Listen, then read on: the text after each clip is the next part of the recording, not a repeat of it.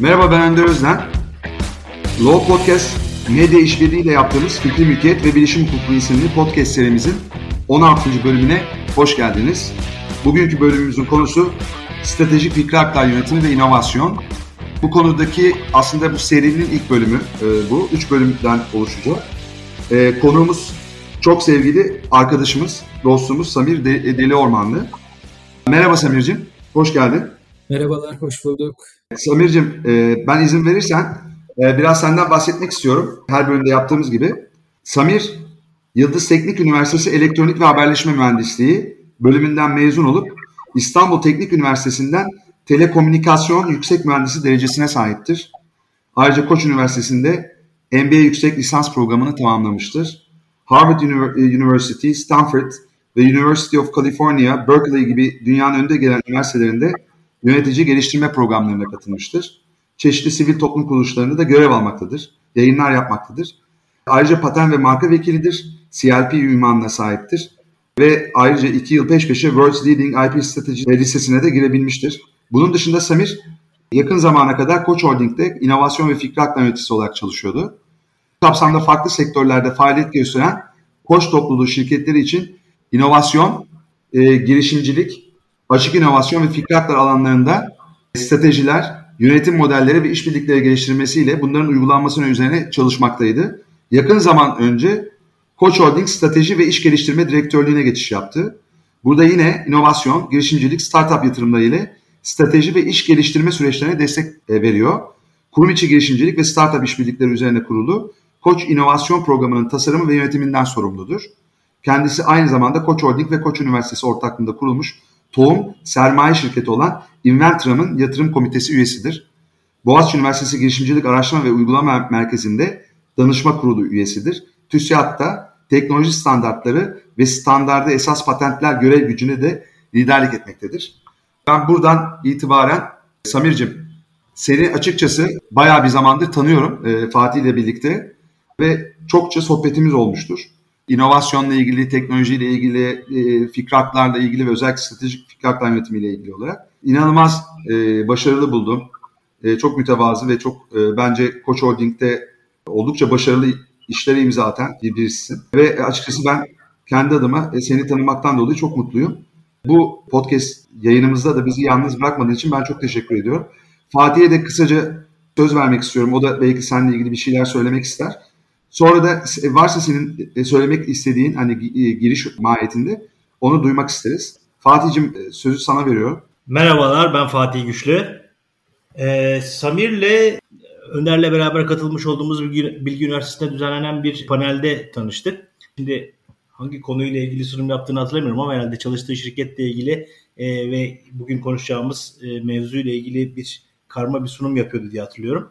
Ben e, Samir'i e, orada gördüğümde hem efendiliği hem e, duruşu hem kibarlığı hem de mesleki bilgisi nedeniyle e, açıkçası tanışmam gereken birisi olarak e, gözlemlemiştim. Zaten e, sunumundan sonra e, Önder'le birlikte yanına gittik, konuştuk. O günden sonra da güzel bir arkadaşlık, dostluk ortamı meydana geldi. Kendisi sevdiğim, saydığım, bilgisine güvendiğim erdemli bir arkadaşımızdır. O yüzden de bugün programımıza katıldığı için kendisine çok teşekkür ediyorum.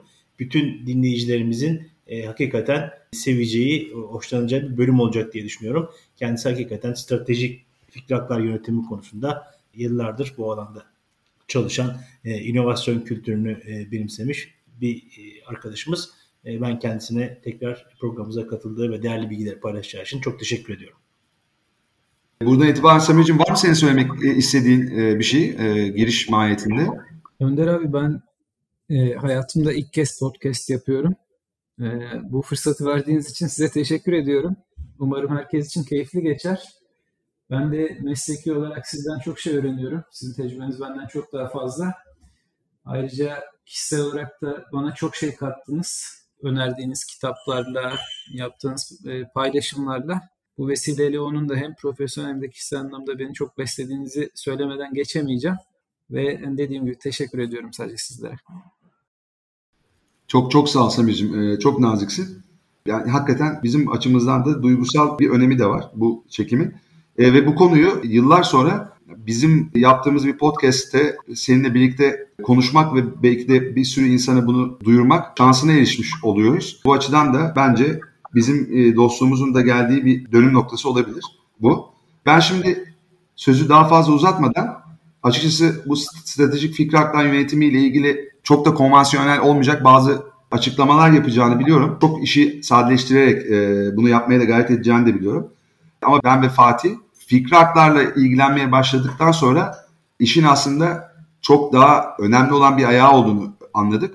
Bu da inovasyona giden yolda aslında şirketlerin aslında şirketin üst yönetiminden e, başlayarak alt kademeye kadar fikri hakların bir strateji belgesiyle korunmasına yönelik bir anlayışın geliştirmesi gerektiği ve bunun içinde bizim gibi fikri haklar hukukunda uzman hukukçuların, stratejistlerin şirket içindeki e, C-level'la e, ve ARGE departmanıyla hatta finans departmanıyla işbirliği içinde şirketlere bu yönde hem bir şey katmak, bir e, vizyon katmak hem de onları ticaret stratejileriyle uyumlu fikri haklar e, stratejileri sahip hale getirmek ve bunları yönetmelerini sağlamak noktasında açıkçası biz de bir alt uzmanlık dalı olarak bunu hayatımıza tuttuk ve geldiğimiz noktada bunu inatla Türkiye'de bir şekilde anlatmaya çalışıyoruz. Ve burada tabii konunun zorluğu ya da basitliğinden çok senin de hep söylediğin gibi bu konunun aslında karşı tarafın anlamasından ya da anlamasından yakınmaktan ziyade bu meseleyi anlatabilmek gerektiğini farkına vardık. Ve bunu nasıl anlatabileceğimiz meselesi de aslında en alengirli kısmı. Dolayısıyla bunu en basit haliyle ama teknik açıdan belki de özellikle ticari e, yaklaşım sergileyen yöneticilerin e, anlayacağı bir dilde e, ve sadece patent vekili ya da bir hukukçu jargonuyla değil onların bu meseleye yaklaşma biçimlerine koşut olarak bir üslup benimsemek suretiyle yapılabileceğini de anladık. O noktada sen bunu en iyi anlatacak isimlerden birisin Türkiye'de ve ben açıkçası bu yüzden de çok önemsiyorum. Dolayısıyla ben açıkçası hani ilk soruyu bizim nasıl geldiğimizi biraz anlatmaya çalıştım bu stratejik fikri haklar yönetimi meselesini ama senin tarafta bu noktaya nasıl geldiğimizi ya da ge- gelmek zorunda kalacağını belki de şirketlerin anlatmanı ben rica ediyorum. Belki buradan da fikri hak yönetimi nedir, bu mesele bağlamında neler yapmak gerekir sana ikinci soru olarak yöneltebileyim. Sözü sana bırakıyorum. Çok teşekkür ederim. Çok teşekkürler. Şimdi hakikaten bu şey olmadı yani biz bir gün böyle işte oturuyorduk ya da direkt geldik işte stratejik fikri haklar yönetimi varmış filan hemen yapalım gibi bir yolculuk olmadı yani bizim için. Kendi içinde böyle bir artık değişim mi deriz, dönüşüm mü deriz, gelişim mi deriz? Yani öyle bir sürecin parçası bu. Bizde de bir yolculuk oldu yani. Dolayısıyla onu onu söylemek lazım. Tabii bunu söylerken de ben şey yapıyorum yani böyle hiç, bir konuyu anladım mı çok öz böyle en öz en basit haliyle anlam anlayamazsam hiçbir zaman anlamıyorum. Yani öyle bir şey oluyor bende. Dolayısıyla bir o yolculukta nasıl bir şeyden geçtik onu söyleyeyim. En öz yine en basit haliyle e, ve burada da bir e, şey oldu tabii bu yolculukta çok insandan çok şey öğrendik yani. Onlara da atıfla biraz anlatayım. Alman meslektaşımız diyeceğim, üstadımız diyeceğim artık ne dersek. Heinz Goder var. Çoğumuz tanıyor, tanıyoruz aslında meslektaşlarımız tanıyor. Onun çok güzel bir benzetmesi vardır bu konuları anlatırken. Onu da biraz geliştirerek söyleyeyim. Şimdi bu mesela teknoloji dediğimiz bir şey ya da yaratıcılık diye bakarsak bir toprak gibi yani. Sonra hani düşünün böyle bir araziye gittiniz ya da yeni kıtaya gittiniz bomboş. Bu bunu teknoloji olarak düşünebiliriz toprağa. Sonra gittiniz güzel bir yer gördünüz. Etrafına bir çit çektiniz. Bahçe yapacaksınız. Bu çitler aslında hani Heinz Godar'ın tabiriyle yine e, istemler oluyor. Yani patent üzerinden gidecek olursak istemler oluyor. İşte tasarım, marka vesaire diğer haklardan gidersek yine benzetmeleri yapabilirsiniz çitler istemler oluyor. Ama tabii bunu böyle çiti çektiniz orası sizin olmadığı gibi e, patentlerde de istemi yazdınız sizin olmuyor. İşte bir otoriteye gidiyorsunuz işte belediyedir ya da ne, neyse artık Türkiye'de Türk patente gidiyorsunuz. Diyorsunuz ki ben buraya çit çektim. E, burası da benim olsun. O da diyor ki size tamam diyor. Hani senin olabilir. Başkasının değilmiş daha önceden diyor. Tapu veriyor. Bu da patent oluyor. Ben biraz daha teknoloji tarafına yakın olduğum için patentler üstünden anlatayım bu akşam. Aynı şeyleri tasarıma, markaya, kısmen telif haklarına da uyarlayabiliriz. Size bir tane patent veriyor. O da sizin tapunuz oluyor. Tapu yani aslında bugünün sonunda benim için. Ve siz o çitin içinde artık böyle Heinz çok güzel anlatıyor. Diyor ki çok güzel bir bahçe yaptıysanız diyor. İnsanlar diyor ki yani ben diyor gelip burayı görmek istiyorum ya diyor. Gezinmek istiyorum içinde. Bir tane elma almak istiyorum diyor. Ve siz o çitin kapısını açıyorsunuz ve belli koşullarda birilerini içeri alıyorsunuz. Diyorsun ki bak girebilirsin, bakabilirsin. Göz tokluğun için işte 5 elmadan fazla alamazsın ya da bir poşet dolusu işte meyveden fazla alamazsın. E, şu kadar süre kalabilirsin. Sonra da çıkarsın, zarar veremezsin filan. Yani belli koşullarda kapıdan insanları içeri alıyorsunuz. Ya bu da aslında lisansa karşılık geliyor. Neticede aslında bu analojiyle baktığımızda birçok insanın fikri ve sınai haklar kısmını böyle deşifre etmesi mümkün oluyor. Ben böyle çok düşünüyorum. Takıldığım yerlerde böyle düşünüyorum. E, çok da üstüne bir şeyler geliştirmek için fırsat veriyor. Tabii şunu söylemeden geç, geçmemek lazım. Benzetmeler iyidir, konuyu anlarsınız ama bazen de çok sakat olabiliyorlar. Hani farklılıkların da altını çizmek gerekiyor. Buradaki farklılık ne mesela? Toprak ya da arazi benzetmesi yaptık ama o sonlu bir kaynak. Ama aslında yaratıcılık dediğimiz şey de sonsuz bir kaynak. Yani orada temel bir fark var. Ya da tapu benzetmesi yaptık. Tapuyu aslında bir evin tapusu mesela sizdeyse e, aynı anda bir kişiye kiralayabilirsiniz ya da satı, e, kiralayabilirsiniz ama mesela lisanslarda öyle olmuyor. Aynı anda birden fazla e, kişiye kullandırabiliyorsunuz. Bu da eş zamanlı çoklu gelir yaratabiliyorsunuz demek. Bu ayrılan yerleri. E, bunu niye anlattım? Yani neticede böyle bir sürü yere dair tapunuzun olduğu bir dünya düşünün. Bu ne demek? Bizim için aslında bu bir varlık sınıfına dönüşüyor. Yani ben bu tapularla ne yapacağım? Şimdi bu işte yerleri geliştiren, bahçeleri yapan insanlar var. E siz de tapuları da elinde tutuyorsunuz. Ne yapacağım? Bu, bu varlıklarla ben ne yapacağım? Bunları değere döndürmem lazım diye bir noktaya geliyorsunuz. Geliyorsunuz. Gelemezseniz stratejik fikri haklar yönetimi başlıyor, e, başlayamıyor geliyorsanız yani kendinize şunu soruyorsanız hani e, bu varlıkta bir değer var. Bu tapularda ben buradaki değeri nasıl en üst e, seviyeye çıkarım diye soru sorduğunuz an stratejik fikri haklar yönetimi dediğimiz konu bence orada başlıyor. Soruyu sormuyorsanız da e, dosyalarda çürür hepsi. Burada o zaman şey işte ikinci soruya geliyoruz. Yani stratejik fikratlar yönetimi nedir ve bu noktada neler yapmak lazımdır? E, bu, bu soruda da e, tabii söylediğim bu analojiler falan çok kıymetli. Bence dinleyenler bunu en sade haliyle bu şekilde anlayabilirler. Ve insan tabii şey yapıyor. Yani fikri haklar var benim ama ben bunları bilmiyorum bile. Yani hiçbir şekilde bunlardan belki de haberim yok. Mesela telife konu olabilecek bir şey ama ben bunu telifle korunduğunu yani eser hukuku kapsamında korunduğunu bilmiyorum. Veya işte benim markam var kullanıyorum fiilen ama tescil ettirmiyorum. Tescil ettirmem gerektiğini bilmiyorum. Ya çok basit şeyler tabii. İşte patent alabileceğim bir buluş var ortada. Yeni ve e, buluş basamağına haiz bir buluş var. Fakat ben bunun patentlenebilir olduğunu bilmiyorum. Ya da almıyorum. Neden almadığımı bilmiyorum. Stratejik yaklaşmıyorum. Ticaretçiden bakıyorum. Bu e, yani bulduk bunu ama bu bizim e, iştigal sahamıza ne kadar katkı sağlar, bizi ne kadar ileri götürür biz ne kadar bir pazar payı sağlar bize bunları e, e, hem ölçeklendiremiyorum kafamda hem de e, bir yere oturtamıyorum. Dolayısıyla bunu oturtacak bir gruba da sahip değilim. Belki bir uzman kuruluna da sahip değilim. Bu alanda da tabii tüm bu eksikler ben hep şeyi gördüm yani ticari stratejisi var her şirketin. Olmazsa olmazı ama bir fikir aktar stratejisi yok mesela. Bunu holding bazında da söyleyebilirsin veyahut da işte şirketler bazında da. Ve bu aslında ciddi emek isteyen bir şey. Çok ciddi bir planlama ve organizasyon meselesi. Dolayısıyla da aslında insanın e, öncelikli olarak sonra da onun oluşturduğu kurumun e, strateji e, e noktasında bir farkındalığa sahip olmasıyla ilgili. Dolayısıyla biz burada sadece büyük holdingler ya da büyük şirketler bazında değil aslında küçük senin özellikle şu anda ilgilendiğin işte kurum içi girişimcilik ve startuplar bazında bence çok çok daha önemli. Çünkü işin başında olan girişimlerde özellikle bu şeyin yerleştirilmesi çok kıymetli, çok da önemli. E, o yüzden de hani Bence bir strateji nedirden başlayıp sonra da fikri haklar yönetimine nasıl strateji anlayışla ilerlemek lazım. Açıkçası senden öğrenmeyi istiyoruz. Sözü ben sana veriyorum yine. Bir söz var Peter Drucker'ın sözü. Şimdi hafızam beni yanıltmıyorsa şey diyor ölçmediğin şeyi yönetemezsin diyor ya. Ben hep şey diye bakıyorum. Ya, bunun bir adım geri atmamız gerekiyor. Anlamadığın şeyi yapamazsın. Anlamadığın şeyi bir de anlatamazsın da zaten. Ee, bir taraftan da böyle ne kadar çok insanın anlamadığı konuyu yapmaya çalıştığını da hayretle izliyorum. O yüzden hep bir adım geri atmamız gerekiyor. Anlamadığımız bir şey yapmaya kalkıştığımızda zaten ölçsen de biçsen de bir şey elde edilmiyor.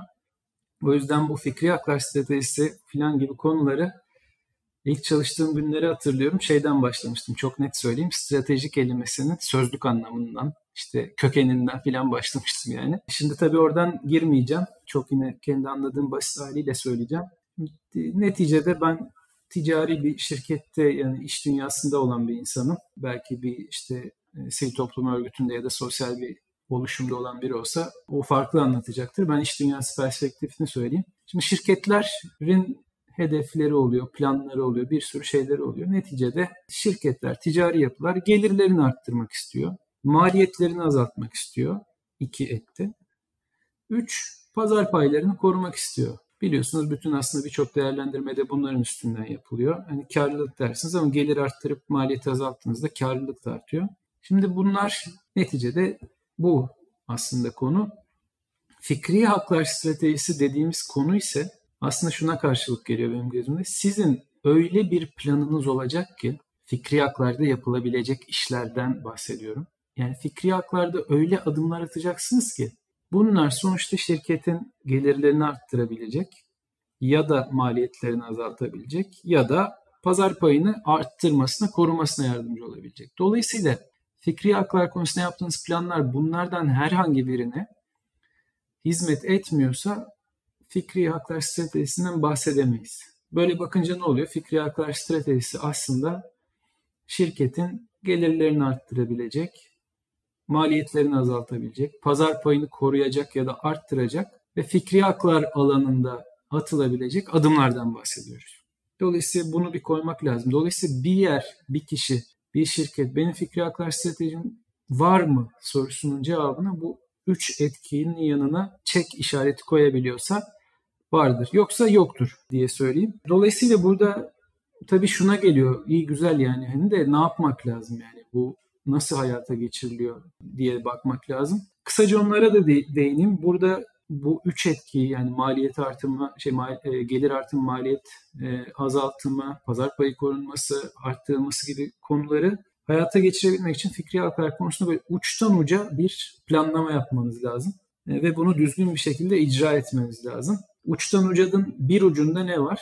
Yenilikçilik çalışmalarını yapan arkadaşlarımız var. Bunlar kimisi ARGE'de oluyor, kimisi pazarlamada oluyor, kimisi tasarım departmanında oluyor, kimisi daha işte edebiyat, sanat vesaire alanlarında insanlar olabiliyor. Bir kere sizin orayı eğitmeniz, bilgilendirmeniz lazım ve onların da bilmesi lazım ki bizim yaptığımız şeylerin bir kıymeti var. Devlet bunlara tapu veriyor ve bunlar kendisi o tapuların kendisi kıymetli bir şeye dönüşüyor. Haklarımız, hukukumuz korunuyor diye bilmesi lazım. Bilmedi mi bir kere o kaynakta konu tıkanıyor. Stopaj gibi yani kaynakta konu bitiyor yani. O, o kaynağı bir açmanız lazım. Bu birincisi. İkincisi kaynağı açtınız mı? Hani musluğu böyle çevirip açtınız mı? Akmaya başlıyor su ve size buluş bildirimleri, marka önerileri, sloganlar geliyor koruma altına alalım diye. Diyorlar ki işte ya böyle bir şirketteyseniz şirket için jingle yaptım.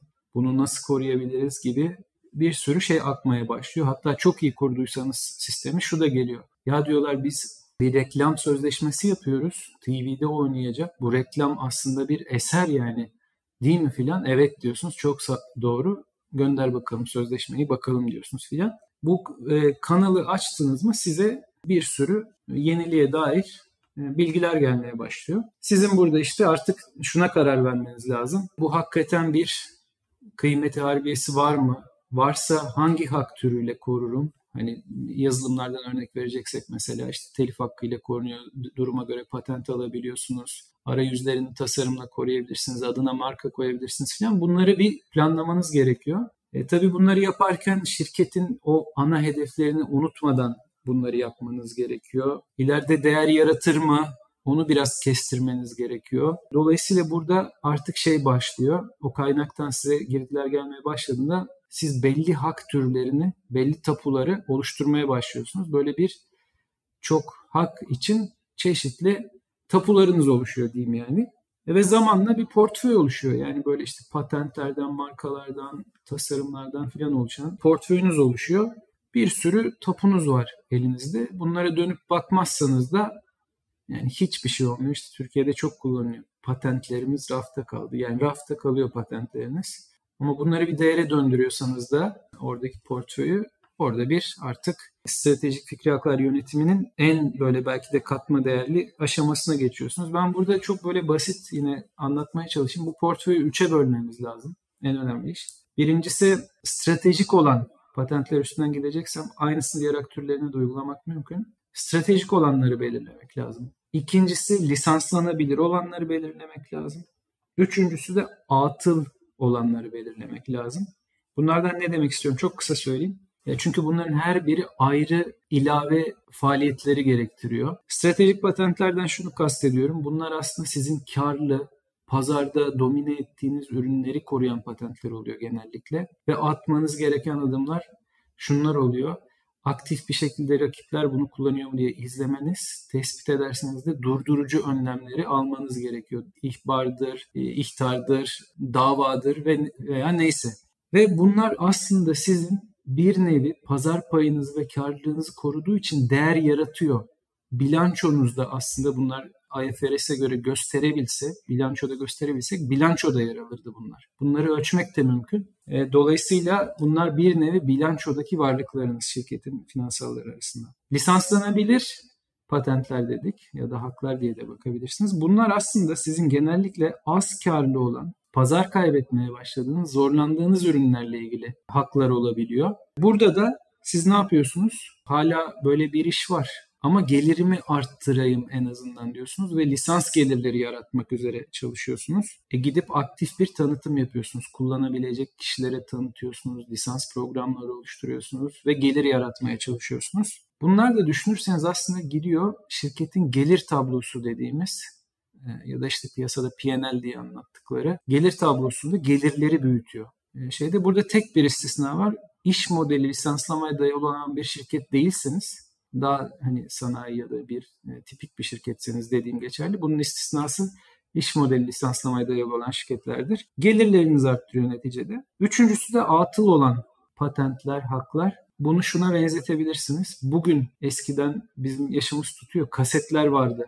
Teyplerde dinlerdik. Şu an kasetle ilgili patentiniz olsa ne olur, olmasa ne olur? Ve siz hala o patentin yıllık ücretini ödüyorsanız aslında o bir e, boş yapılan masraf. Bunları tespit edip yıllık ücretlerini ödememeniz gerekiyor. Burada da aslında bu işi düzenli yaptığınızda her zaman kullanılmayan bir hak türü çıkıyor. Bunları da silerek diyeyim tasarruflar elde ediyorsunuz. Sizin aslında masraflarınızı gelir tablonuzda düşürüyor. Bunlar da işte fikri haklar alanında yapılabilecek ve şirketin gelirini, maliyetini artırabilecek, pazar payını koruyabilecek faaliyetler oluyor. Önder abi sen geçte çok güzel bir şey söyledin. Dedin ki bunları üst yönetimle birlikte yapmak gerekiyor. Anca o zaman stratejik oluyor. Başımdan böyle çok ilginç olaylar geçmiştir. Ben vakitten dolayı girmeyeceğim ama bütün bu kararları verirken de üst yönetimle birlikte vermeniz gerekiyor ki hani şirketin stratejisine hizalanabilin burada. Eğer bunları yapmaya başlıyorsanız artık şirketin finansalları dediğimiz işte bilançodur, gelir tablosudur. Oradaki finansal tabloları bir etkiniz oluşmaya başlıyor ve siz artık bunu anlatabiliyorsunuz ve farklı bir noktaya gidiyorsunuz. Umarım anlatabilmişimdir. Normalde şema ile anlattığımız, şema ile anlattığımızda bile zor anlaşılan bir konudur. Umarım anlatabilmişizdir. Bu bölümde ben e, bir şey açmak istiyorum. Şimdi stratejik e, ve lisanslanabilirler, atıllar aslında anlaşılabilir zaten. Yani bir şekilde aslında patent süresi dolmamış. Bir zamanlar işe yarayan, korunması gerekli olan ve yıllık ücretlerinin, yenileme ücretlerinin ödenmesinin rasyonelize edilebildiği e, patentler aslında. Bir de tabii bu stratejik lisanslanabilir olanlar var. E, tabii çok farklı stratejiler var. Hatta bir sonraki bölümde biz Fatih'le beraber bu sefer konuksuz ofansif ve defansif stratejilerden bahsedeceğiz e, bu bağlamda. E, dünyada uygulanan genel geçer stratejilerden. Bu stratejik olanlar arasında karlı ürünler yani Burada jilet örneğin de sanki seninle konuşmuştuk. O örnekten de belki bahsedebilirsin. Stratejik e, patentler, e, ürünlere ilişkin patentlerle e, ilgili olarak. Burada bazen ticari sır olarak da mesela saklanabilir. Klasik örnekleri var işte Coca-Cola'nın formülasyonu gibi. Lisansını bir olanlarla ilgili de jilet örneğinden bahsetmeni rica ettim. Lisansına bir olanlarla ilgili olarak da e, verdiğin şey dışında yani benim aklıma takılan şöyle bir soru var. Yani bütün büyük şirketler patentleri çok sayıda olan ve hatta ticarileştirilebilmiş patent sayısı e, çok fazla olan şirketler. Bunların içinde Arçelik gibi e, yerli firmalar da var. Bunlar ciddi anlamda lisanslama yapıyorlar. Ve e, lisanslama aslında çok ciddi e, ele alınan ve çok da uygulaması olan bir strateji. Bunu yani ben karlı bir patentimi, karlı bir ürünüme ilişkin patenti lisansla, lisanslamak yerine illa kullanmak, doğrudan kendim kullanmak zorunda mıyım? Mesela bir çamaşır makinesini düşündüğümüzde buradaki bir sürü patent var burada. Her e, noktasında e, bir sürü patent var. E, ve bu çamaşır makinesiyle ilgili ben eğer lisansıma yapıyorsam bu şu anlamama geliyor. Yani bu artık çok da karlı değil aslında. E, ve veya ben bir şekilde pazar payı kaybediyorum ve o yüzden ben bunu lisanslasam daha iyi olur diye mi bunu yapıyorum? Yoksa aslında sadece bununla sınırlı değil. Ben karlı bir ürünüm içinde aslında lisanslama yapabilirim. Söz gelimi hiç bilmediğim bir coğrafyaya girmeyi planlıyorsam o coğrafyaya o coğrafyadaki çok e, ilgili sektörde tanınmış güçlü bir e, şirketi ortak alarak e, bir şekilde onunla işbirliğine giderek bir lisanslama yapabilirim. O ona lisans verip o şeyde e, pazarda bir şekilde onun eliyle pay, pay elde edebilirim ve ondan sonra e, orada tanındıkça lisansı sona erdirip usulüne uygun biçimde kendim orada pazarı penetre edebilirim falan yani bir sürü şey geliyor aklıma. Bu noktada bir stratejik ürünler doğrudan kullanmada jilet örneğinden yola çıkarak ne diyebilirsin? Lisanslama açısından da söylediğim gibi çamaşır makinesi örneğinden yola çıkarak orada lisanslamalar yapıyorsa şirket tek amacı, tek nedeni bunun daha az karlı bir ürün haline gelmiş olmasıdır. Kaset e, örneği e, zaten atıl ürünler içinde. Kapsamda bize biraz aydınlatabilirsen sevinirim. Bu çok güzel bir şey oldu. Yorum ve soru oldu. Şimdi iki konunun ben altını çizmek istiyorum. Birincisi e, Türkiye'de özellikle bir dönem, şimdi de belki biraz var ama bu e, fikri hakların ticarileştirmesi konusunda lisanslama çok ne diyeyim birinci ticarileştirme yöntemi gibi anlatılıyordu. Ama aslında en kıymetli ticarileştirme yöntemi bir hak türünü hak sahibinin kendisinin üretip elle tutulur bir ürünse üretip satması oluyor aslında. Bu en karlı, en iyi ticarileştirme yöntemi ki bu bir ticarileştirme yöntemi. Yani bunun bir altını çizmekte fayda var. Dolayısıyla burada işte jilet örneğine bakarız. Jiletten kastım hani erkeklerin tıraş için kullandığı jilet marka ürünleri kastediyorum. Çok böyle rafta benzerini bulamazsınız. Kendi kartuş sistemi falan çok sayıda patenti, tasarımı falan vardır. O yüzden pazarda domine eder, etmiştir yani jilet e, şeyde. Bu birinci ticarileştirme yöntemi olan kendi üretip satma, dağıtma yöntemini kullanmıştır jilet. E, Dyson elektrikli süpürge bunun başka bir örneğidir. Dolayısıyla karlı ürünlerde hakikaten birinci ticarileştirme yöntemine gitmiştir şirketler. İkinci konu ise bu lisanslanabilir e, haklarla ilgili. Bence çok güzel bir noktaya şey yaptım. Burada tek bir menü, tek bir reçete yok. E, burada sadece bir denge var. Denge gözetmek gerekiyor. Körü körüne lisanslama yoluna giderseniz mesela çok karlı pazarı büyük bir işi rekabete kendi elinizde açmış kar ve pazar payını kaybetmiş olabilirsiniz. Buradaki dengeden kastım şu. Kaybettiğiniz pazar payı ve kar ile elde edeceğiniz lisans geliri arasındaki denge. Bu belirleyici oluyor aslında. E, maalesef e, Türkiye'de buna böyle çok dikkat etmeden hadi lisanslayalım lisanslayalım deniliyor. E, buna dikkat etmek lazım. Bu bir denge işi. Denge öyle pozitif taraftadır ki lisanslarsınız. Çünkü oradaki gelir oradaki kaybın üstündedir. Ama denge aslında öyle bir negatif tarafta olur ki siz elde edeceğiniz lisans geliri aslında kaybettiğiniz pazar payı ve karın yanında çok küçük kalabilir. Buna bakmadan bu işe girilirse de çok büyük bir kayba dönüşür toplamda. Küçük bir şey anlatayım. Bir gün bir seminerdeyim böyle epey bir zaman oluyor. Bir e, lisanslama başarı hikayesi anlatıyor sahnede sunan bir beyefendi vardı. Case study olarak sunum yapıyor seminerde. O dönem tabii pandemi yok. Fiziksel dinliyoruz. Büyük bir ekrana slaytlarını yansıtmış ve sunumu da şöyle kurgulamış. Sunum yapıyor Arkada da ilgili sözleşme maddelerini koymuş. Direkt böyle copy paste e, sözleşmesinin görüntüsünü almış koymuş. Biz şöyle lisansladık, böyle lisansladık diyor. Ben de tabii gözümüz alışık hemen böyle maddeleri okuyorum. İşte bir madde koydu.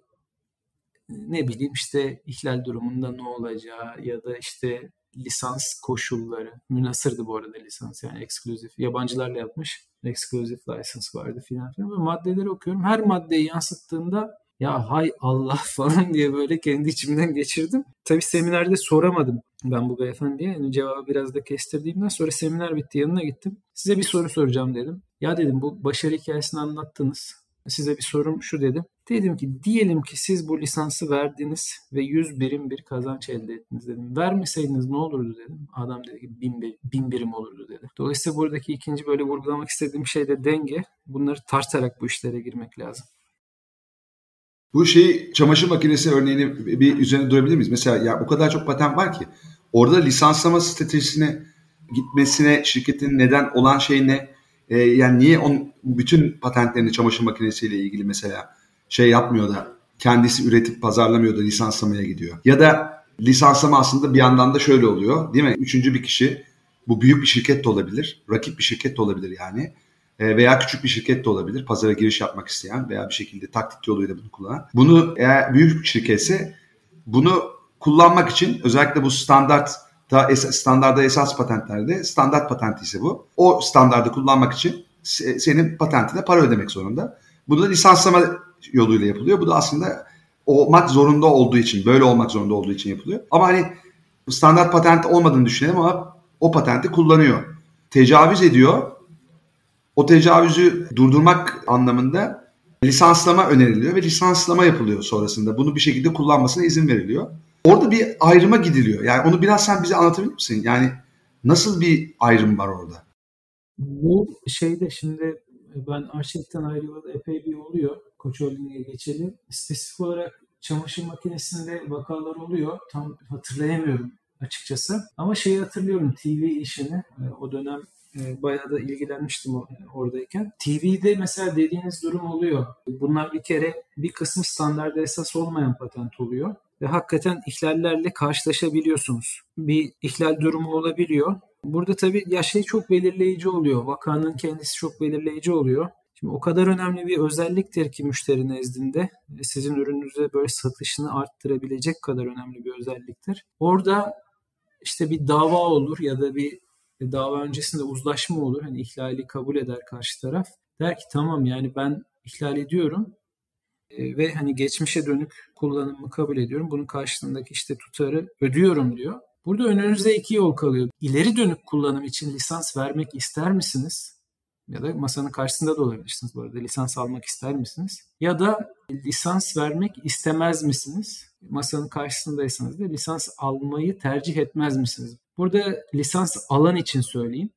Yani ihlali yapan için söyleyeyim daha doğrusu. İhlali yapan diyor ki tamam zaten geçmiş için bir helalleşiyoruz diyor. Helalleşiyor. Bakıyor özellik çok kıymetli bir özellik mi o patentin koruduğu. Kıymetli bir özellikse ileri dönük lisans almak için de müzakere ediliyor. Ve hani şuna bakılıyor astarı yüzünden pahalıya geliyor mu deyip eğer öyle de bir durum yoksa, satışlara da katkı varsa, müşterinin çok aradığı bir özellikse ileri dönükte lisans alıyor öbür tarafta vermiş oluyor. Diğer taraftan hani o özellik çok kıymetli bir özellik değilse, talep edilen lisans bedeli çok yüksek bir bedelse, maliyetler bunu kaldırmıyorsa, müşteri de bir satış etkisi yapmıyorsa da hani astarı yüzünden pahalıya geliyor dediğimiz durum oluyor. İleri dönüp diyor ki e, ihlal eden tamam diyor geçmiş için helalleştik ben de bu özelliği ürünümden kaldırıyorum diyor ve bu konu iki şekilde bağlanabiliyor. Dediğim gibi vakanın kendisinin çok böyle böyle ayırt edici bir şeyi oluyor. Genel bir yaklaşım çok olamıyor. Bilmiyorum anlatabildim mi? Evet daha açık bence. Ben buradan e, diğer soruma geçeyim. Yani bütün aslında çok detaylı şeyler, konular bunlar. Onu ayrı bir podcast konusu olarak ele almak lazım gelir. Ama hani senin anlatımın sade zaten. Ve aslında bakıldığında bu kadar sade e, anlattığım bir konu çok da basitmiş gibi de algılanabilir. Aslında işte o kadar basit değil ya da aslında çok karmaşık da değil ama bir şekilde hani elini şıklattığın anda olan bir şey de değil. E, dolayısıyla bunun bir kafa yapısına girmek gerekiyor. Ona sahip olmak gerekiyor. Bu nasıl bir yapıdır? Bir, nasıl bir kafa yapısıdır? Ve burada yani gerçekten ayırdına varılması gereken temel unsurlar ya da parametreler nelerdir ve hangi özelliklere sahip olmak gerekir? Yani bir fikri haklar stratejisti için kurum içi ya da kurum dışı e, ya da bir uzman hukukçu için de bu yine geçerli. Ne gibi vasıflara sahip olması gerekiyor ki bu iş aslında çok daha kolay açıklanabilsin, anlatılabilsin ve katma değerinin farkına varılabilsin. Fikri hakların, fikri ürünlerin e, şirkete katacakları anlamında. E, bunları da açıkçası merak ediyorum. E, onları da bize anlatırsan çok sevinirim.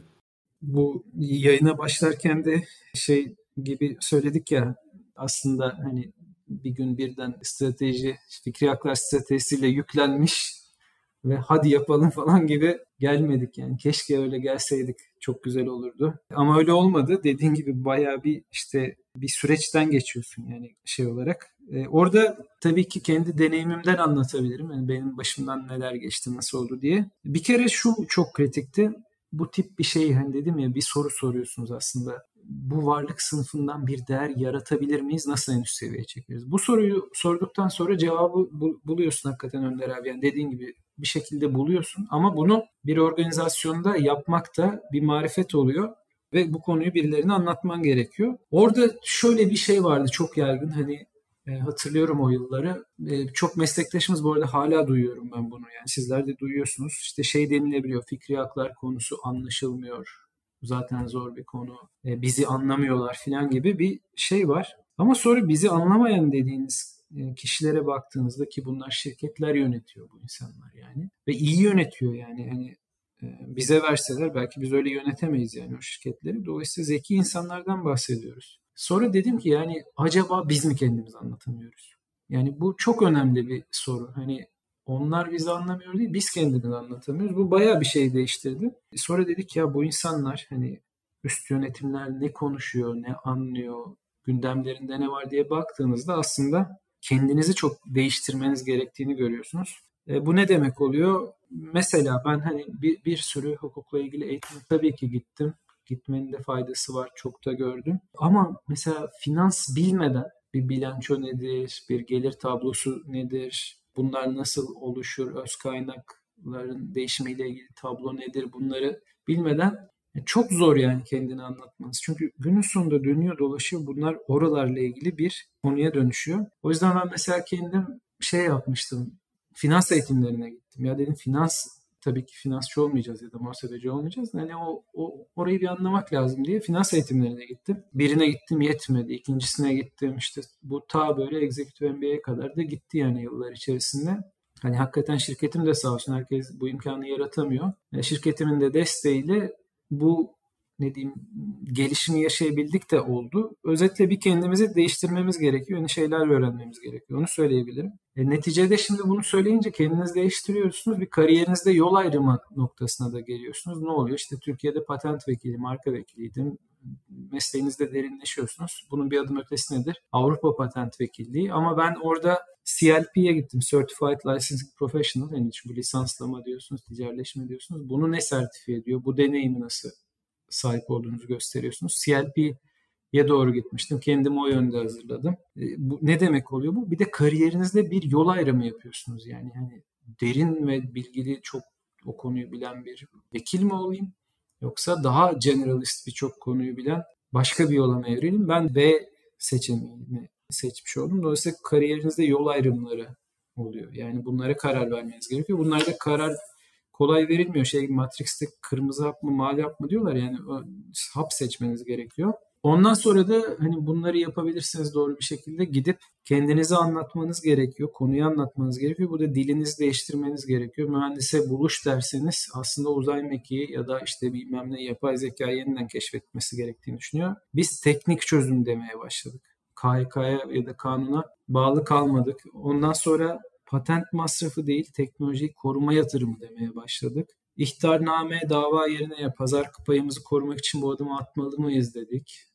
Ve hani birçok böyle aslında kullandığınız dilde e, değişiklikler yapmaya geliyor gerekiyor. Bunları böyle alt alta yapabilince zaman içinde bir şeyler değişiyor, bir etkiye dönüşüyor, bir neticeye dönüşebiliyor. Dolayısıyla böyle kişisel ve kurumsal e, bir çabaya dönüşüyor bu. İkisi de birlikte. Ben yani ben çok şanslıyım. Kurum bunu konuda hem beni destekledi hem de aslında buradaki yeni bilgileri diyeyim kabul etti, destekledi. Zaten böyle bir vizyon vardı eskiden beri. Onu da geliştirme imkanımız oldu hep yani birlikte. Ancak böyle olabiliyor diye biliyorum.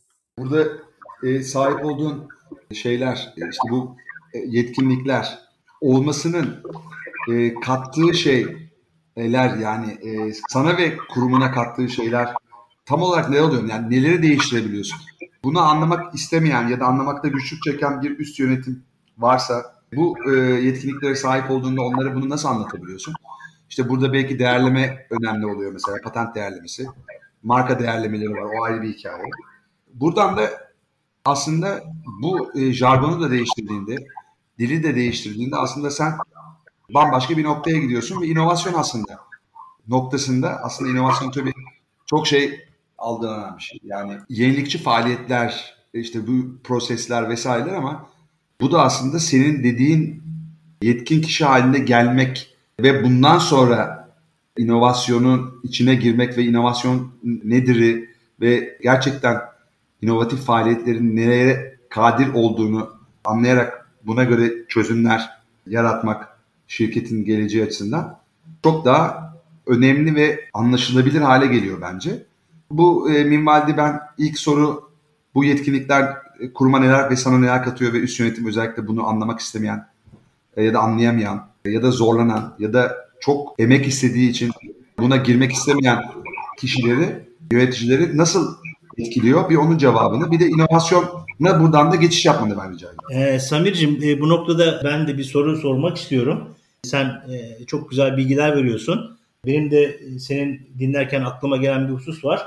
Şunu soracağım ben. Fikri ve sinayi hakların stratejik yönetiminin kapsamı acaba doğru bir fikri ürün veya ürünlerin yaratımını ve bu ürünler e, üzerindeki hakların da doğru bir şekilde doğru bir stratejiyle oluşturulmasını da kapsıyor mu? Bu soruyu sana bu noktada yönlendirmek, sormak istiyorum.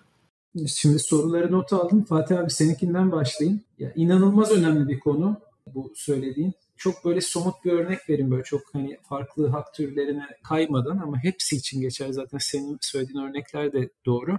Şimdi bir tane mesela araba ile ilgili düşünelim tamam mı? Araba ile ilgili otomatik ne bileyim vites değiştiren bir sistem. Çok basit bir örnek üstüne gidelim. Bununla ilgili tabii çok patent oluyor da bir tane patent olduğunu da düşünelim bunu. Şimdi bu arabanın çeşitli işte hız, devir, tork, yokuş filan gibi eğim hani verilerini takip edip bir algoritma karar veriyor değil mi? Sonra vitesi diyor 2'den 3'e at diyor. Şimdi burada bu tabii Computer Implemented Invention tanımına da giriyor donanımla birlikte çalıştığı için. Yani patentlenebilir bir konudan bahsediyoruz. İlk kez de biz bulduk diye düşünelim. Hani basit örnek için. Şimdi bu o kadar kritik bir konu ki böyle hakikaten hani claim dediğimiz istemi algoritma bir yöntem mi yazacaksınız? Bu yöntemi kullanan bir çip ya da donanım mı yazacaksınız? Ya da bu yöntemin algoritmanın çalıştığı bir araba mı ya da bir taşıt mı yazacaksınız? O kadar kritik ki neden kritik? Çünkü yarın öbür gün ihlal gerçekleştiğinde bu işte tecavüzü ya da bunun değerini siz o yazdığınız istemin üstünden ölçeceksiniz. Algoritma yöntem derseniz çok farazi yani nasıl belirleyeceksiniz değeri? Çip derseniz 5 dolar 10 dolar deyin ki 100 dolar. E, araba derseniz 50 bin dolar. Hangisini istersiniz üstünden hani lisans ücreti almak? Dolayısıyla o kadar kritik ki yani bu acayip hani e, bir somut örnekle bunu şey yapmaya çalıştım. Bu başında yani verdiğiniz kararlar inanılmaz kritik oluyor ve çok hakikaten işle ilgili düşünmeniz lazım. Bunun yasal boyutunu, davalarda ki boyutunu, tazminatı neyin üstüne hesaplayacağınız, hesaplayıp hesaplayamayacağınız gibi bir sürü konuyu düşünüp yapmanız lazım. Umarım bunlar gözden kaçmıyordur ve bu hani yayın belki bunlara bir vesile olur. Dolayısıyla çok çok doğru bir nokta yani ve çok da gözden kaçan bir nokta. Böyle bir yöntem deyip patentleyebilirsiniz yani ama ileride e, değeri maksimize etme anlamında sorun yaratır. Potansiyel bir değeri kaybetmiş olursunuz. Önder abinin sorusuna geleyim. Sahip olduğunuz bu yetkinlikler ne katıyor? Aslında ben yine buna çok basit ve bence çok önemli bir şeyi söyleyeyim. Bir kere yönetim zamanını artık daha çok alıyorsunuz. Yani yönetimi sizi daha fazla dinliyor, getirdiğiniz daha çok e, sayıda konuya karar veriyor, size destek veriyor. Daha çok soru soruyor konular önüne geldikçe onlar da sizin kadar öğreniyor. Zaten dedim akıllı insanlar yani bunlar. Onlar size bir de böyle bakalım diyor.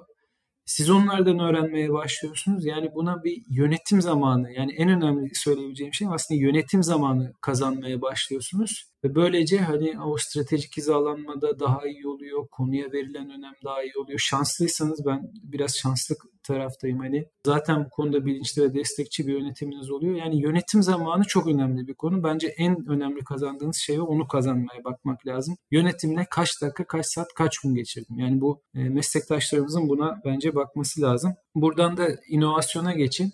İnovasyona şöyle yani fikri haklar, inovasyon çok iç içe konular, birbirini destekleyen şeyler böyle sonsuz devinim makineleri vardır ya onun gibi. Yani oradan aldığınız onu, oradan aldığınız onu besliyor ve aslında bu sistem hiç bitmiyor yani. Öyle bir şeye benzetebiliriz. Ben inovasyonla şöyle tanıştım. İşe ilk girdiğim dönemlerde bekliyordum ki işte birileri marka önerisi yapacak. Ben de işte başvurusunu planlayacağım falan ya da işte patentler için de aynı durum. Ama bir girdim çok sayıda aslında ortak ARGE yapılan konu içinde buldum kendimi. Sonra da öyle devam etti. İşte ortak ARGE şeylerinin e, fikri haklar hükümlerini incelemeye başladık vesaire. Ya düşündüğümden çok farklı bir dünyaydı ve kendime şu soruyu sormuştum. Dedim ki ya bu kadar çok işbirliğinin yapıldığı bir ortamda hani fikri haklar yönetimi nasıl olabilir? Çünkü hep mevzuat bize neyi öğretiyor? İşte çalışan buluşları bölümü var mevzuatta biliyorsunuz. Kendi sahip olduğumuz, yarattığımız bir e, yeniliği koruma üzerine kurulu. Tabii ki ortak mülkiyetle ilgili hükümler var da hani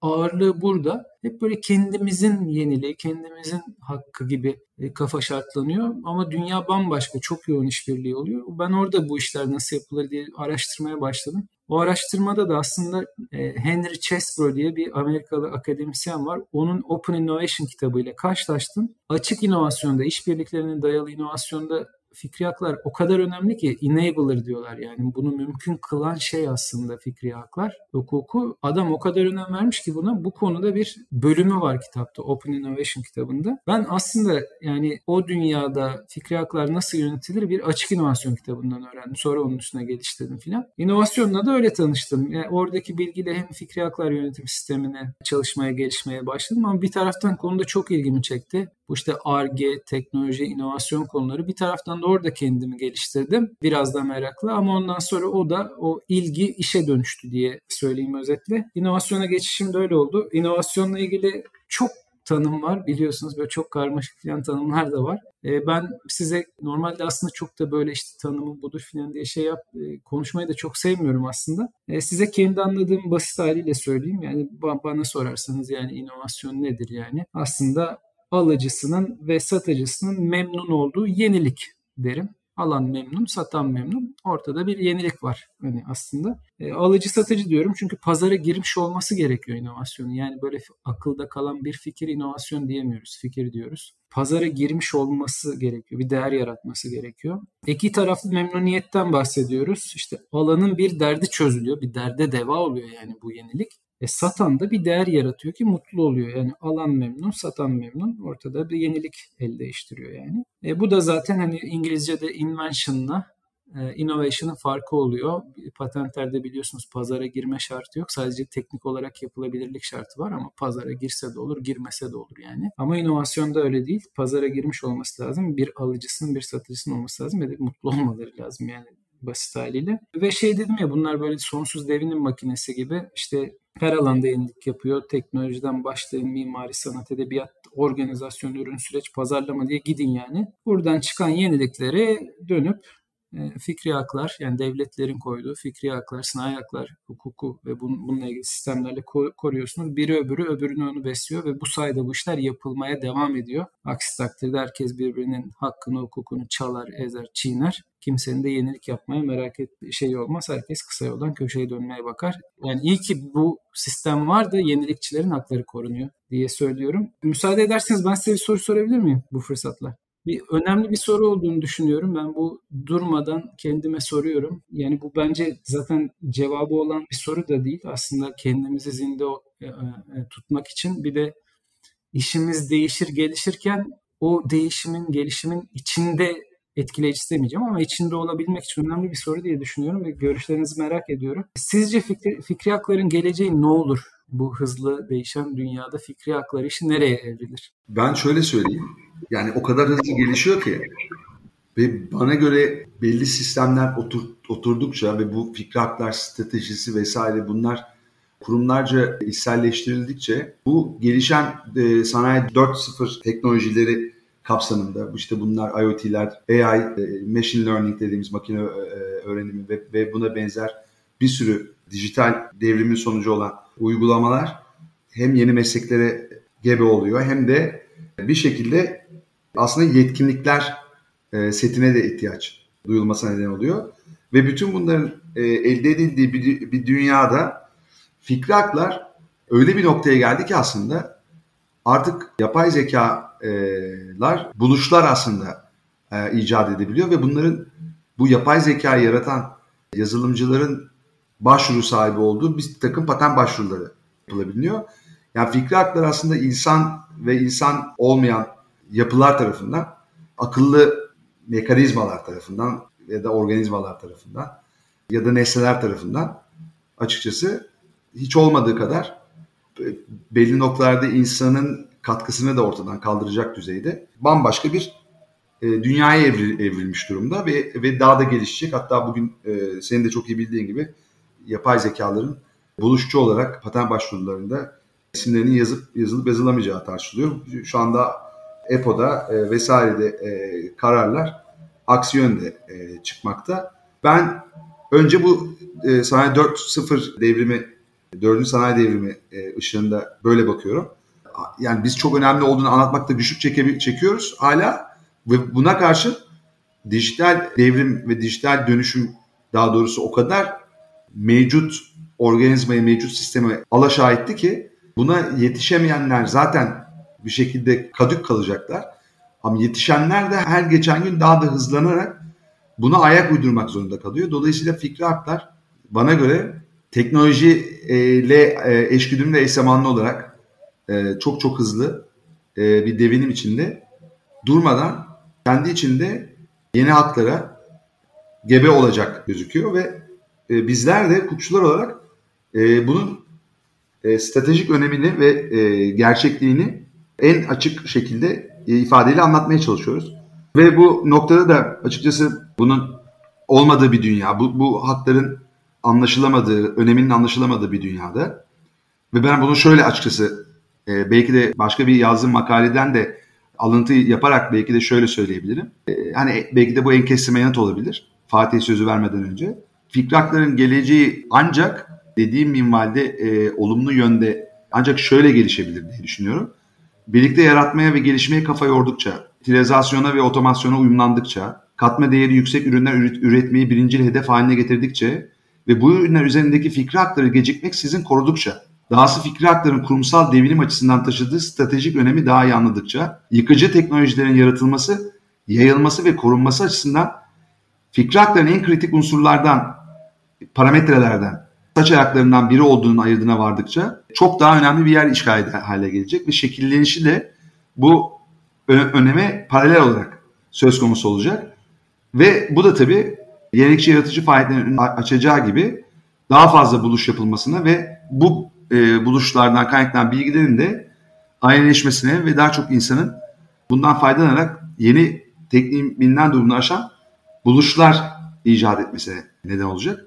Bütün bunlar açıkçası şu anda belli ülkeler için varit olan ama ülkemiz için çok kesinlikle böyle diyemeyeceğim şeyler. Bu saydığım kriterler eğer absorbe edilebilirse sektörler tarafından ve aslında insanlar tarafından her gün e, belki de bunun üzerinde kafa yorma yormamız sayesinde senin de yaptığın gibi kesin bir cevap verebilecek olmamakla birlikte veya da o vermemek daha iyi olduğu için böyle diyorum. Kendi içinde gelişen e, bir dünyaya doğru evrilecek diye düşünüyorum işte. Fikri hakların geleceği e, ne olacak? Öncelikle sevgili Sever sorun için çok teşekkür ederim. Her zaman söylüyorum yani biz e, X jenerasyonu olarak hakikaten birçok farklı gelişmeyi hem sosyolojik, psikolojik anlamda hem de teknolojik anlamda e, yaşamış bir kuşağız. Şu an birçok kişi tarafından işte Endüstri 4.0 devrimini e, yaşadığımız bir e, çağ olarak nitelendiriliyor içinde bulunduğumuz çağ. Bilgi çağı e, olarak nitelendiriliyor. Bilişsel devrim içerisinde olduğumuz bir çağ olarak nitelendiriliyor ve yenilikçi fikirlerin, işte inovasyon kültürünün bu çağa damga vurduğu, özellikle inovasyon kültürüyle üretilmiş ürünlerin sağladığı yüksek katma değer dolayısıyla hem bu ürünleri üreten şirketlerin hem de bu şirketlerin e, konumlandığı ülkelerin yüksek katma değerli ürünler dolayısıyla katma değer üreten, yüksek katma değer üreten bir ekonomik sisteme geçmeleri gerektiği öngörülüyor, söyleniyor. Tabii yüksek katma değer üreten ürünlerin satışa çıktığında e, kapılarında ne kadar kuyruklar olduğunu e, görüyoruz. E, talebin ne kadar yüksek olduğunu görebiliyoruz ve bu ürünleri üreten şirketlerin istedikleri fiyatı bu ürünlere vermeleri sayesinde ne kadar büyük karlar yapabildiklerini hem kendilerine hem de ülkelerine bu minvalde katkıda bulunduklarını gözlemliyoruz. Tabii bu yüksek katma değeri getiren en önemli sebep fikri ürünler olduğuna göre bunların üzerindeki hakların da e, bugün bizim konuştuğumuz fikri ve sanayi haklarında doğru bir stratejiyle yaratılması, korunması önemli diye öngörüyorum. Tabii bu içinde bulunduğumuz çağ aynı zamanda dijital de bir çağ. Her şey dijitalizasyonun etkisinden faydalanıyor. E, dijitalizasyon içerisinde konumlanma ihtiyacı duyuyor.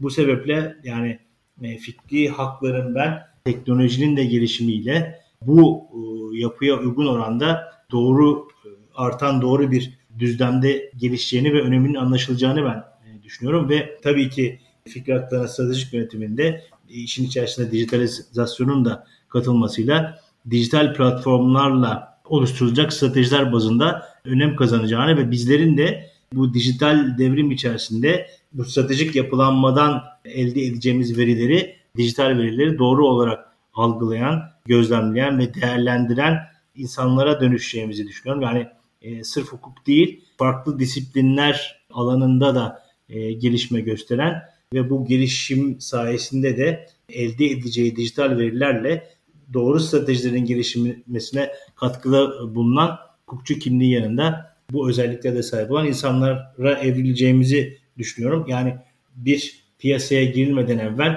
oradaki fikri hak risklerinin detaylandırılmasını yapan, ölçen hatta yeni bir ürün üretilmesi bazında patent e, alınabilecek teknolojileri önümüze koyan dijital programlar sayesinde bu biz de kendi işimizi daha doğru yapacak bir formata doğru evrilirken e, ister istemez bu iş yapışı biçimiyle de bir kendimizde geliştirmiş olacağız kanaatindeyim. E, hem bu açıdan e, bizim gelişimimiz açısından hem de şirketlerin, kurumların ve ülkelerin gelişimi açısından fiyatların öneminin ben e, bugünden e, ileriki günlerde daha fazla e, anlaşılacağını düşünüyorum.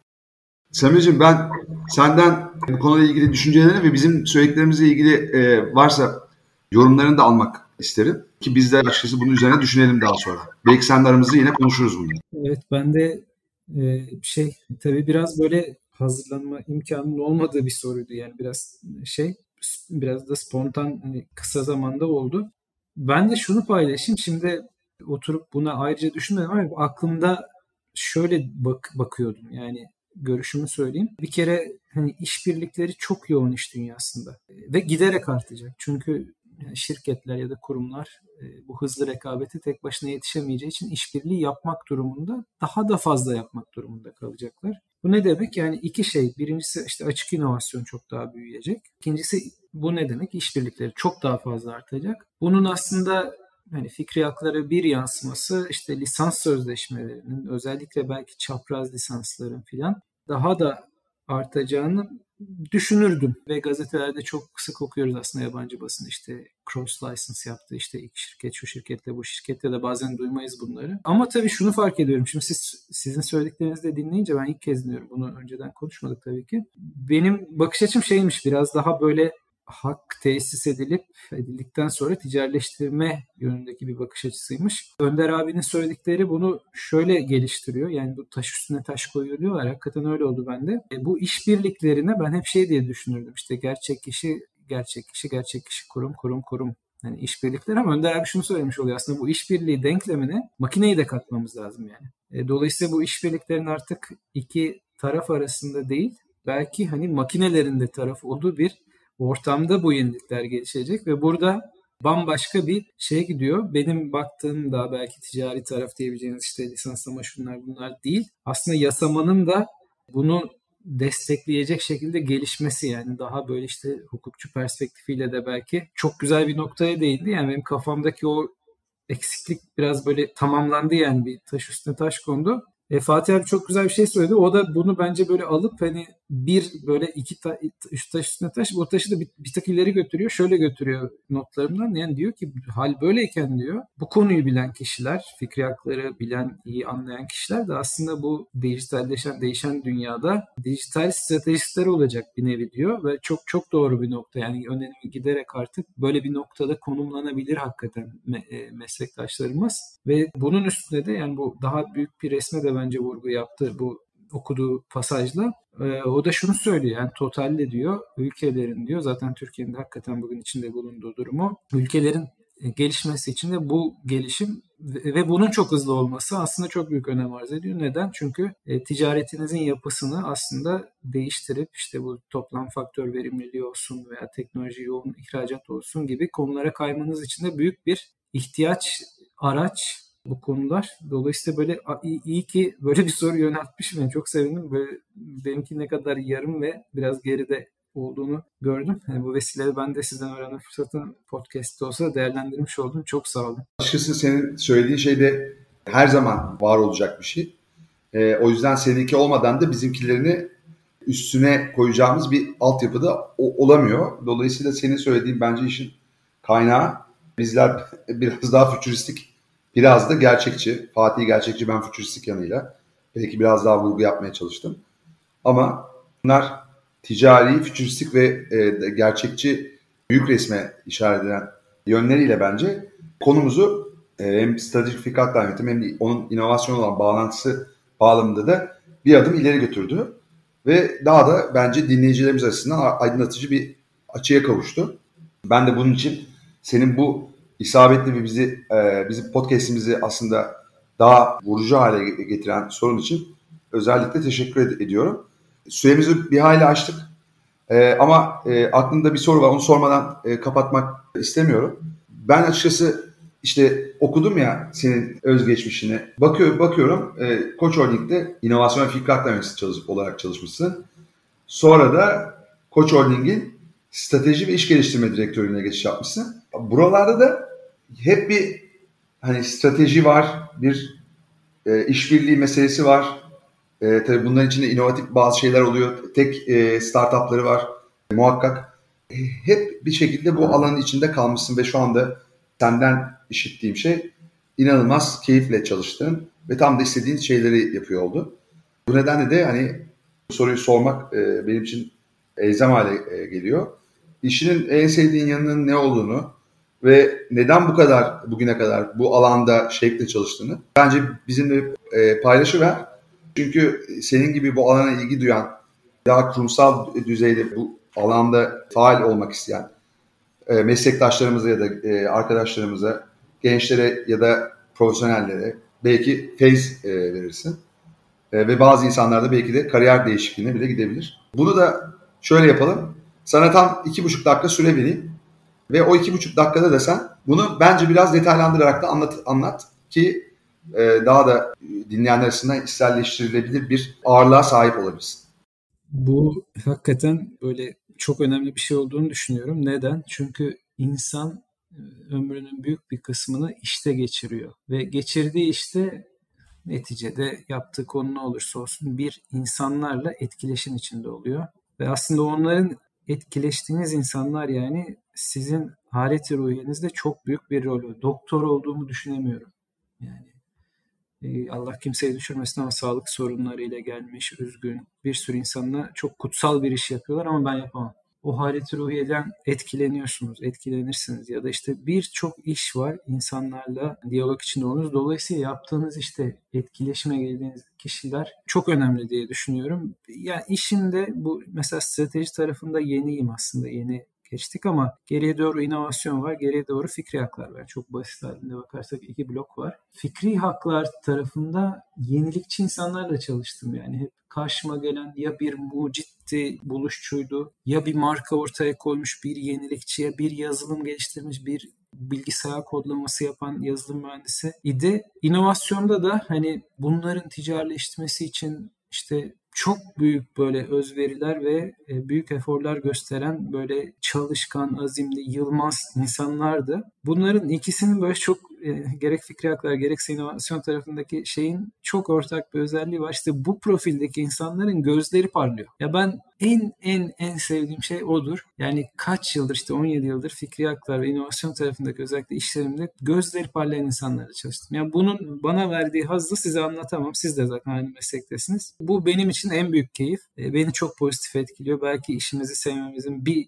e, büyük e, şeyi de budur diyorum. En önemli şey olarak da bunu söylüyorum. Son bir şeyle bitireyim. Confucius'un zannediyorum bir lafı varmış. Sevdiğin işi yaparsan hiçbir gün çalışmamış olursun diyor. Bu sana ızdırap şey gibi gelmez, ayakların geri gitmez. Bu söze çok katılıyorum. Benim de işte inovasyon, fikri haklar tarafındaki yıllarım böyle geçti. O yüzden de o mesleğimi severek icra ettim her gün. Çok teşekkür ederim Samir. Gayet anlaşılır nedenlerle. Sen de bizim gibi aslında bu alanı biraz da ekleyerek üstünde bir şeyler hiç de azımsanamayacak öneme sahip bir şekilde e, ekleyerek e, çok daha keyifli hale getirmeyi başarmışsın. E, bu bence kişisel bir başarı. Bu yüzden seni tebrik ediyorum. E, zaten e, ilk günden beri, sana tanıdığım ilk günden beri de hep söylüyorum. E, kendi alanında e, bence global çapta bir isim haline geleceksin. E, şu anda gelme, geliyorsun da bence Türkiye'de özellikle. Ve de kişilik yapında bence çoğu e, meslektaşında da farklı ve bence bugünkü dünyayı yani işbirlikçi, daha insan insana iletişim mi benimseyen, hiyerarşik yapıların dışında daha yatay e, düzlemde bunu ele alabilen bir yaklaşımın var. Tüm bunlar da bizim alanın aslında entelektüel ve o artsy tarafını toplam kalite bilincini de ittiva edecek şekilde yansıtıyor. Ben bu yüzden de seninle gurur duyuyorum. Buradan itibaren ben açıkçası e, çok çok keyif aldığımı itiraf etmeliyim. Dinleyenler için uzun ama keyifli bir e, dinleti olacağından da eminim. Umarım çok şey alırlar ve burada anlatılanların çok daha derin meseleler olduğunu farkında olarak eğer bilmiyorlarsa çok basit bir anlatımla karşılaştıkları için de kendilerini şanslı hissetmelerini umarım. Dolayısıyla da bu yayın ben, benim tahmin ettiğimden çok daha açıklayıcı ve tatmin edici oldu. Ben e, hepimize bu anlamda da kolektif anlamda da teşekkür ediyorum. E, Fatih'cim senin de varsa söylemek istediklerin istersen sen de ekle ve kapatalım. Ben de Samir'e e, programımıza yapmış olduğu değerli katkılar dolayısıyla çok teşekkür etmek istiyorum. Yıllar içerisinde çalışmış olduğu şirkette e, edinmiş olduğu tecrübeler ve bilgileri e, çok güzel harmanlayarak e, bizimle paylaştı. Kanaatimce de çok güzel bir program oldu. Dinleyicilerimiz de umarım beğenmişlerdir. Ufuk açıcı oldu diye düşünüyorum karşılıklı uyumla belki de bu çağın değişmez dinamiklerinden birisi olan işbirliği veya biz bilinci dediğimiz bir formatta yaptığımız bu programımızın sonuna gelmiş bulunuyoruz. Ben tekrar vermiş olduğu değerli bilgiler e, ve değerli katkı için değerli dostumuz Samir Deli Ormanlı'ya çok teşekkür ediyorum. Evet Samir'cim tekrar teşekkür ediyoruz sana. En kısa zamanda yine bir bölüm çekeriz. Başka bir podcast serisinde yine birlikte oluruz diye ümit ederek sana tekrar sevgilerimi iletiyorum. Senin de söylemek istediğin son bir şey varsa onu alıp e, dinleyicilerimizi veda edelim. Buyur lütfen.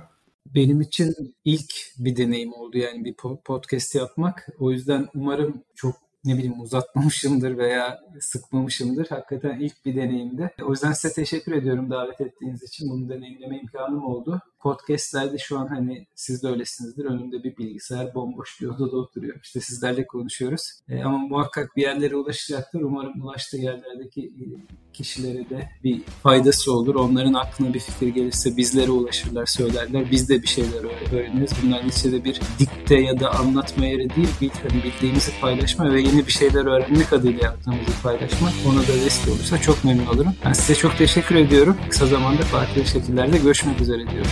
Görüşmek üzere. Herkes e, sevgiler. E, kendinize iyi bakın. Bir sonraki bölümde görüşmek üzere. Hoşçakalın.